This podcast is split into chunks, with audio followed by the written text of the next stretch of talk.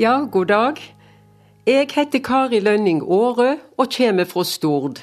Vestlandsøya som blir kalla et Norge i miniatyr. Her er jeg født og oppvoksen, og her bor vi. Bedre plass fins det ikke. Etter et langt liv som lektor i den videregående skolen, har jeg nå vært pensjonist i noen år.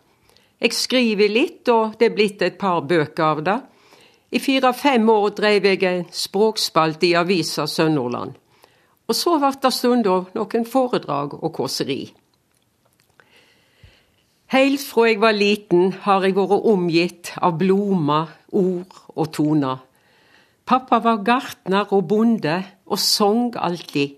Vi vakna til jublande vårtoner over bakkene i tidlige, solfylte morgener. Som baden vil jeg bli gartner, slik som pappa. Driva fram håpet, sjå frøet bresta og livet begynna. Vintrene heime var alltid så lyse og fulle av farger. Hos venninnene mine var vinteren hvit og svart og brun. Bare hvit og svart og brun. Snø, beksømsko i gangen og svarte strekkbukser.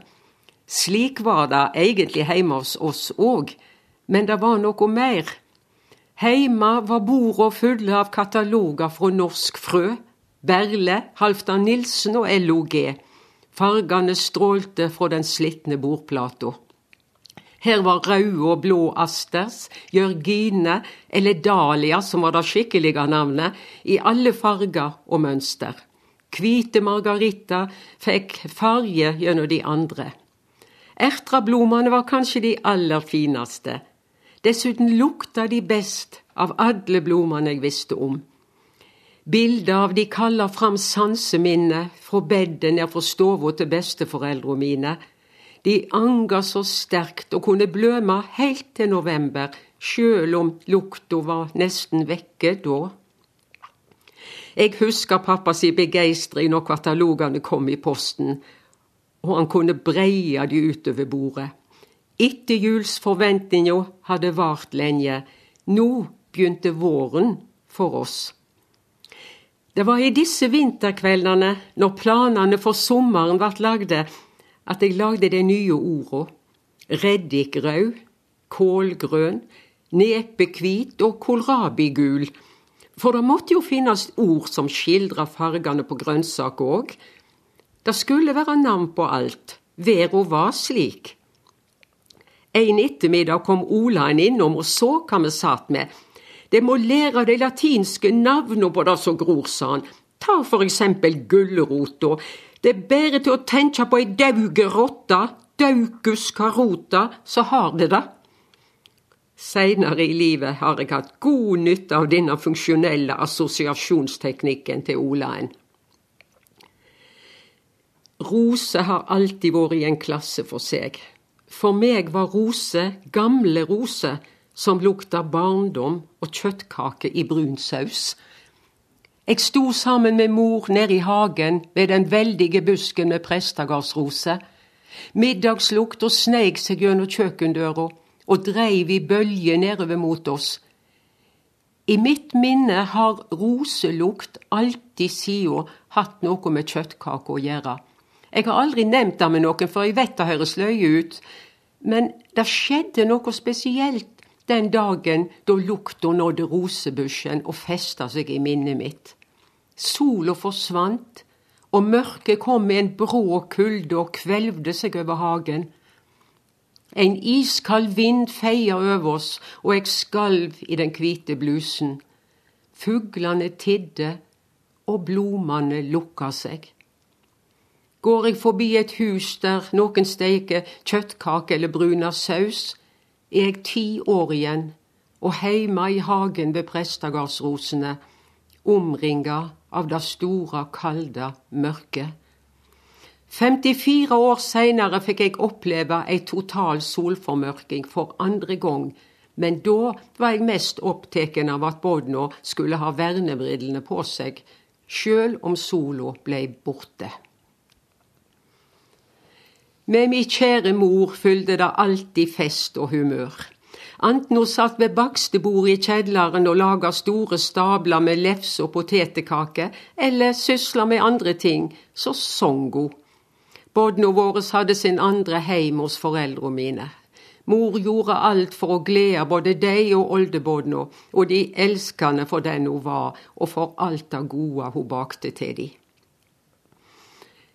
Den siste tida pappa levde, var han sengeliggende og barna våre kom stundom heim for å sjå om han.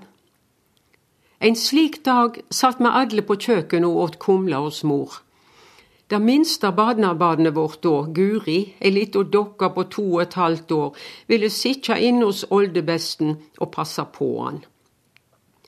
Pappa lå kraftløs i senga, og han vart så rørt over den lille jenta som sette seg oppi til han etter ei lita stund kom hun stormende ut til oss og ropte i ekse. Dere må komme, dere må komme, oldebesten er blitt frisk igjen.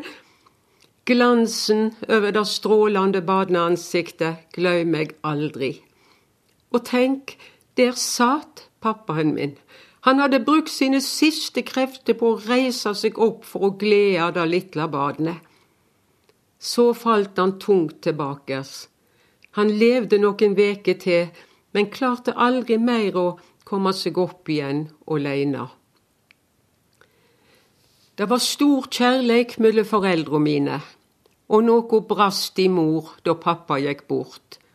Hun hadde håpt at han skulle få leve noen dager til, så de kunne få feire diamantbryllupet sitt i lag. Men da den dagen kom, sovna mor òg inn. Slik fikk de høgtida et himmelsk bryllup sammen. Badnabadene vårt, Eyolf var fire år da foreldra mine døde. Når jeg sang den første song og handiansfarmen til han om kveldene, slik jeg pleide å gjøre, da rant tårene. Han ville så gjerne trøste meg, og så kom det stilt fra han. Vet du hva jeg tror oldebesta å gjøre nå? Nei, det visste jeg jo ikke. Jeg tror hun sitter i himmelen og baker potetekaker til Jesus og Sankt Peter. Da gjorde godt. Som andre bestemødre elsker jeg barnebarna mine. Jeg ser alltid fram til feriene når det røde huset blir fylt med åtte glade bodn i alle aldre, fra eldstemann på 18 til yngstemann Olai på ett år. Jeg har ei bestemorsbok der jeg skriver ned gode minner og morsomme episoder fra samværet med Bodna. Det er så lett å tro at en skal huske alt det underfundige de har kommet opp med gjennom åra, men erfaringa viser at slik er det sjelden. Derfor noterer jeg det ned etter hvert. Jeg har en baktanke med det, for her er mye godt stoff til konfirmasjonstalene vi skal holde etter så de vokser til. Ingrid, fem år, er født nyttårsnatta med en vidunderlig stjernehimmel over Bergen. Rakettene hadde stilna da hun så dagens lys, men Herrens eie fyrverkeri helt fram. Vi gikk og venta under denne lyskvelven, sammen med tre søsken. Det slo meg så sterkt at her hadde andre mennesker òg gått en gang og kanskje venta på ei glede, sånn som vi gjorde. Og slik kom jeg til å tenke på presten Peder Bjørnson på Kvikne. Kanskje var ikke det så underlig. For en desemberkveld for 179 år siden sto han òg ute under de velsigna stjernene og gledde seg over den første sønnen sin. Han så opp på Storebjørn og Lillebjørn og ropte begeistra ut i natta. Min sønn skal hete Bjørn, nei, Bjørnstjern skal han hete. En la dikteren sjøl til seinere.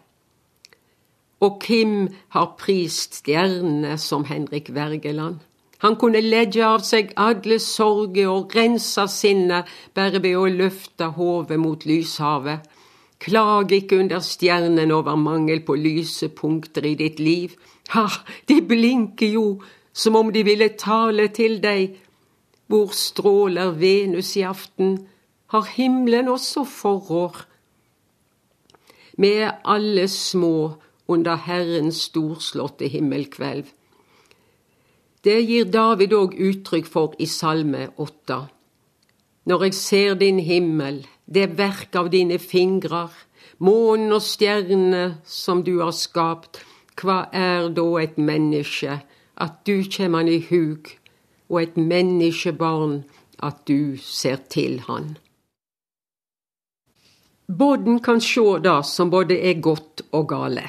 De er skarpsynte og ærlige observatører og kvir seg ikke for å stille spørsmål når det trengs. Det skal få noen døme. Kristi himmelfartsdag er datter vår og familien hennes å feirer friluftsgudstjenester på Sankt Hanshaugen i Oslo. Elvira, to og et halvt år, syns det er kjekt å få være med.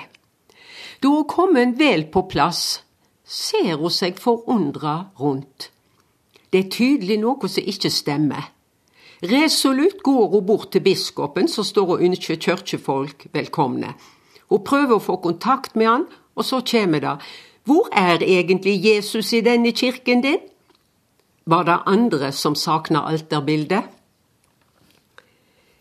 I påskehelga er ofte familien samla hos oss, og de to eldste barnebarna våre, som da denne episoden fant sted var fire år, følgde med meg hvor jeg gikk og sto. Da jeg tidlig en morgen skulle ta et bad i fred og ro, var de på plass om de kunne få være med meg. De skulle sitte helt i ro på gulvet og bygge Lego. Jo, det var greit, da, sa jeg. Badet ligger rett innenfor soverommet vårt, og nede i det skummende velværet spør jeg om jeg skal banke i veggen til gamlefar. Hvem er gamlefar, ville de vite. Det er jo besten, da, sier jeg. Oslo-gutten vil gjerne være snill, og jeg tror ærlig. Derfor kjem det vennlig sinne. Jeg synes ikke dere er gamle, jeg, besto.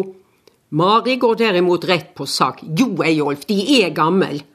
Jeg leser om jeg tar det tungt. Jeg var ikke klar over dette, jeg, nå ble jeg jo litt betutta. Den munnrappe bergenserinna henter seg snart inn igjen da hun oppfatter fadesen. Jeg sier jo egentlig ikke at dere er gammel, jeg sier bare at dere snart blir gammel, og det er noe annet. Etter ei stund skal jeg opp av badekaret. Jeg griper håndkleet, men før jeg får dekka meg skikkelig til, har den samme dama sitt nok. Det kritiske blikket ikke til å ta feil av. Du har store deier, besto, mamma sine mindre. Ja, ja, sier jeg, det er ikke så mye å gjøre med det, de får nå være som de er. Ja, for egentlig så er det jo bra at det er forskjellig. For det er som det står i sangen, han baker store, han baker små, han baker noe med sukker på. Denne dialogen har jeg gjemt på, for den viser at sanseevnen er der for begynnelsen av, og er inngangsporten til en verden med rike impulser. De sterkeste sanseopplevelsene har jeg alltid henta fra naturen. Den vakre solnedgangen, lyden av raslende høstlau, sysvort og sin vidunderlige vårsong og lukta av den første kvitveisen. I dag kommer så altfor mange bilder fra en skjerm, og de mangfoldige mobiltonene overtar luftrommet.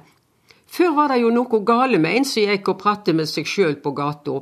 Nå reagerer ingen, han snakker jo bare i telefonen. Hva gjør dette med sansene våre?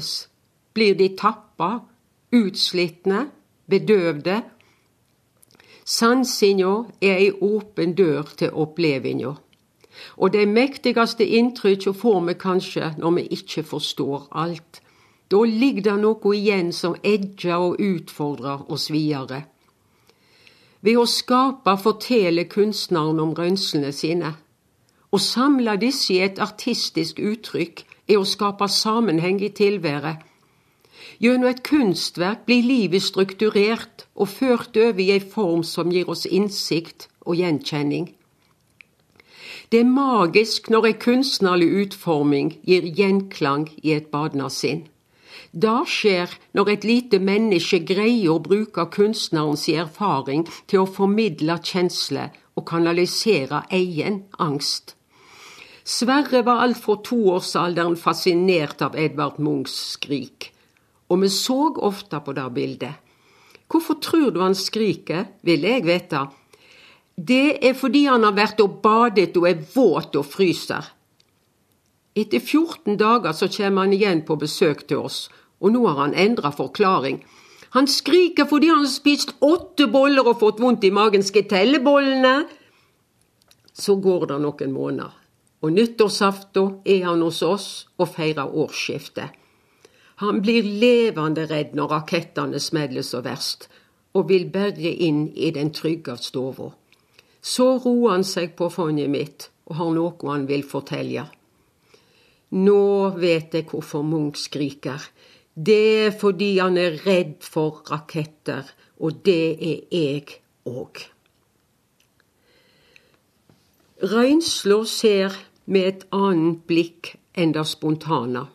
Likevel er den impulsive opplevinga grunnlaget for det som gir den heilskapelige erfaring om godt og vondt, det som all kunst springer ut av.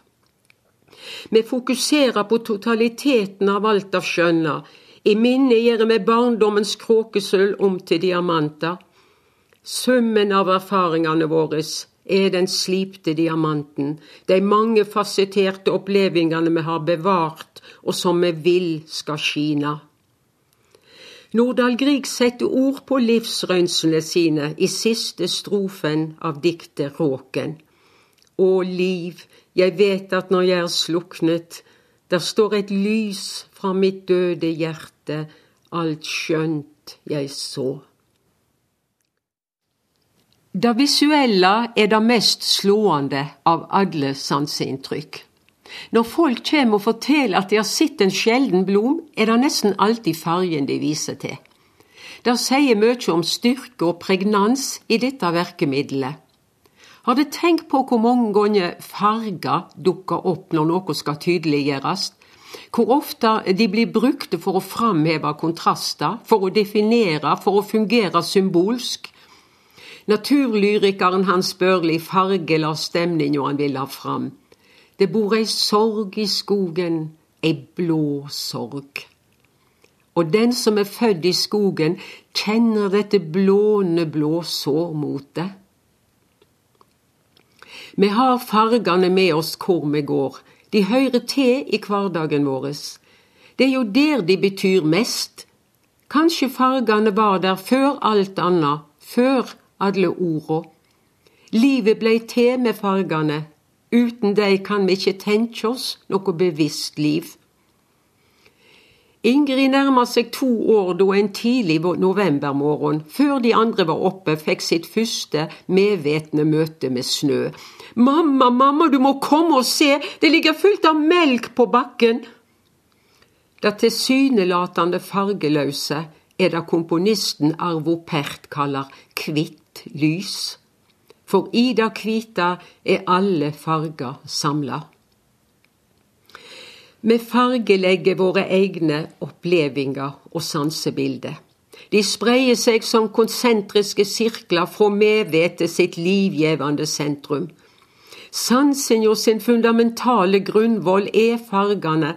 De er begynnelsen og slutten på alle inntrykk vi mennesker bærer på, summen av alt det vakre. De er uunnværlige for vår visjon av verden. Derfor griper vi til den koloritten vi trenger. Det blir sagt at når en ser gjennom kjærleikens briller, blir kåper til skinande gull. Og jammen kjem evna til subjektivitet vel med i livet. Det hender vi må være både fargeblinde og svaksynte, og fargelegge etter så forholdet er. Det er det som heter livskunst. Naturfotografen Jan Rabben og jeg har i noen år arbeidet med ei bok om ville blomster i Sunnhordland. Vi har begge fra barnsben av vært opptatt av det som gror, og nå gleder vi oss til å dele opplevelsene våre med andre og vise nye generasjoner hva naturen har å by på. Ville blomster spiller nok en større rolle for både bodden og voksne i tidligere tider. Plantene hadde stor bruksverdi både som mat og medisin, og bodna, ja, de leika seg med blomstene. Om våren laga vi oss seljefløyte. Seinere blei det pipelyder både fra degras, løvetannstilker og store blad. Vi fletta kranser av eikeblad og framførte dukketeater med revabjødle og blåklokke på fingertuppene. Jeg visste tidlig hva slags planter som var etende, hva vi bare så vidt kunne smake på, hvem som var bare litt giftige, og hvem som var livsfarlige. I dag har teknologien mye godt tatt naturen sin plass. Dataspillene har for lengst skåret andre aktiviteter ut i mørket, og leketradisjoner knyttet til plantelivet blir heller sjelden gitt videre til dagensbåten. At den handlingsbårne kunnskapen faller vekk, er egentlig en dramatisk utvikling. Den generasjonen som skal ha ansvar for naturen sin videre lagna, er ikke så interessert i natur. Hvor skal det gå med jorda vår når de ansvarlige mangler kjensle for det de skal verne? Jeg bærer i meg et minne fra en fin sommerdag da jeg var i tiårsalderen. Hele familien var på utflukt med nister og saft. Målet var en høg ås i nærleiken. De mektige foretrea la en mild skugge over det trolska landskapet vi gikk gjennom og skogstjernene lyste som moreld fra skogsbotnen. Så sto vi brått der sola kasta glans over fjorden, øyene og fjella. Alt var så stilt, nesten magisk. Da sa pappa noe som jeg alltid har båret med meg seinere.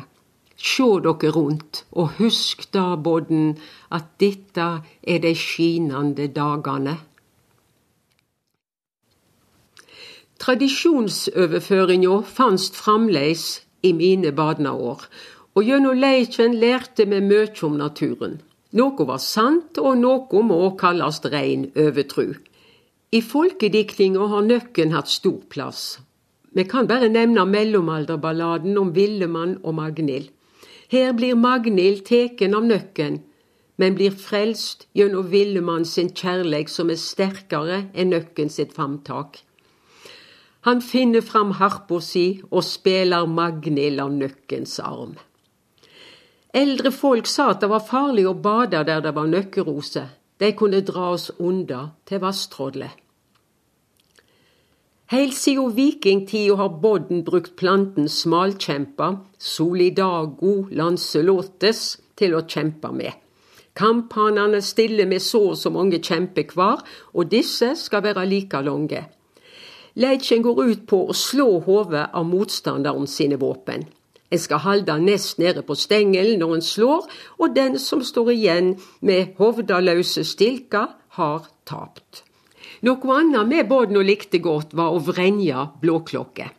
Kom blomehova heile gjennom denne prosessen, kunne den heldige få ønske seg tre ting. Jeg spurte tre og et halvt åringen Ivar hva han hadde ønsket seg hvis han hadde greid å snu klokkene uten at de rivna. Svaret kom kontant.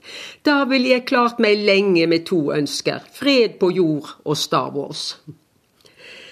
Når jeg snakker om blomster, er det helt nødvendig å trekke inn farger her òg. Det er knapt et område i livet som ikke er berørt av illuminasjonen sin magi.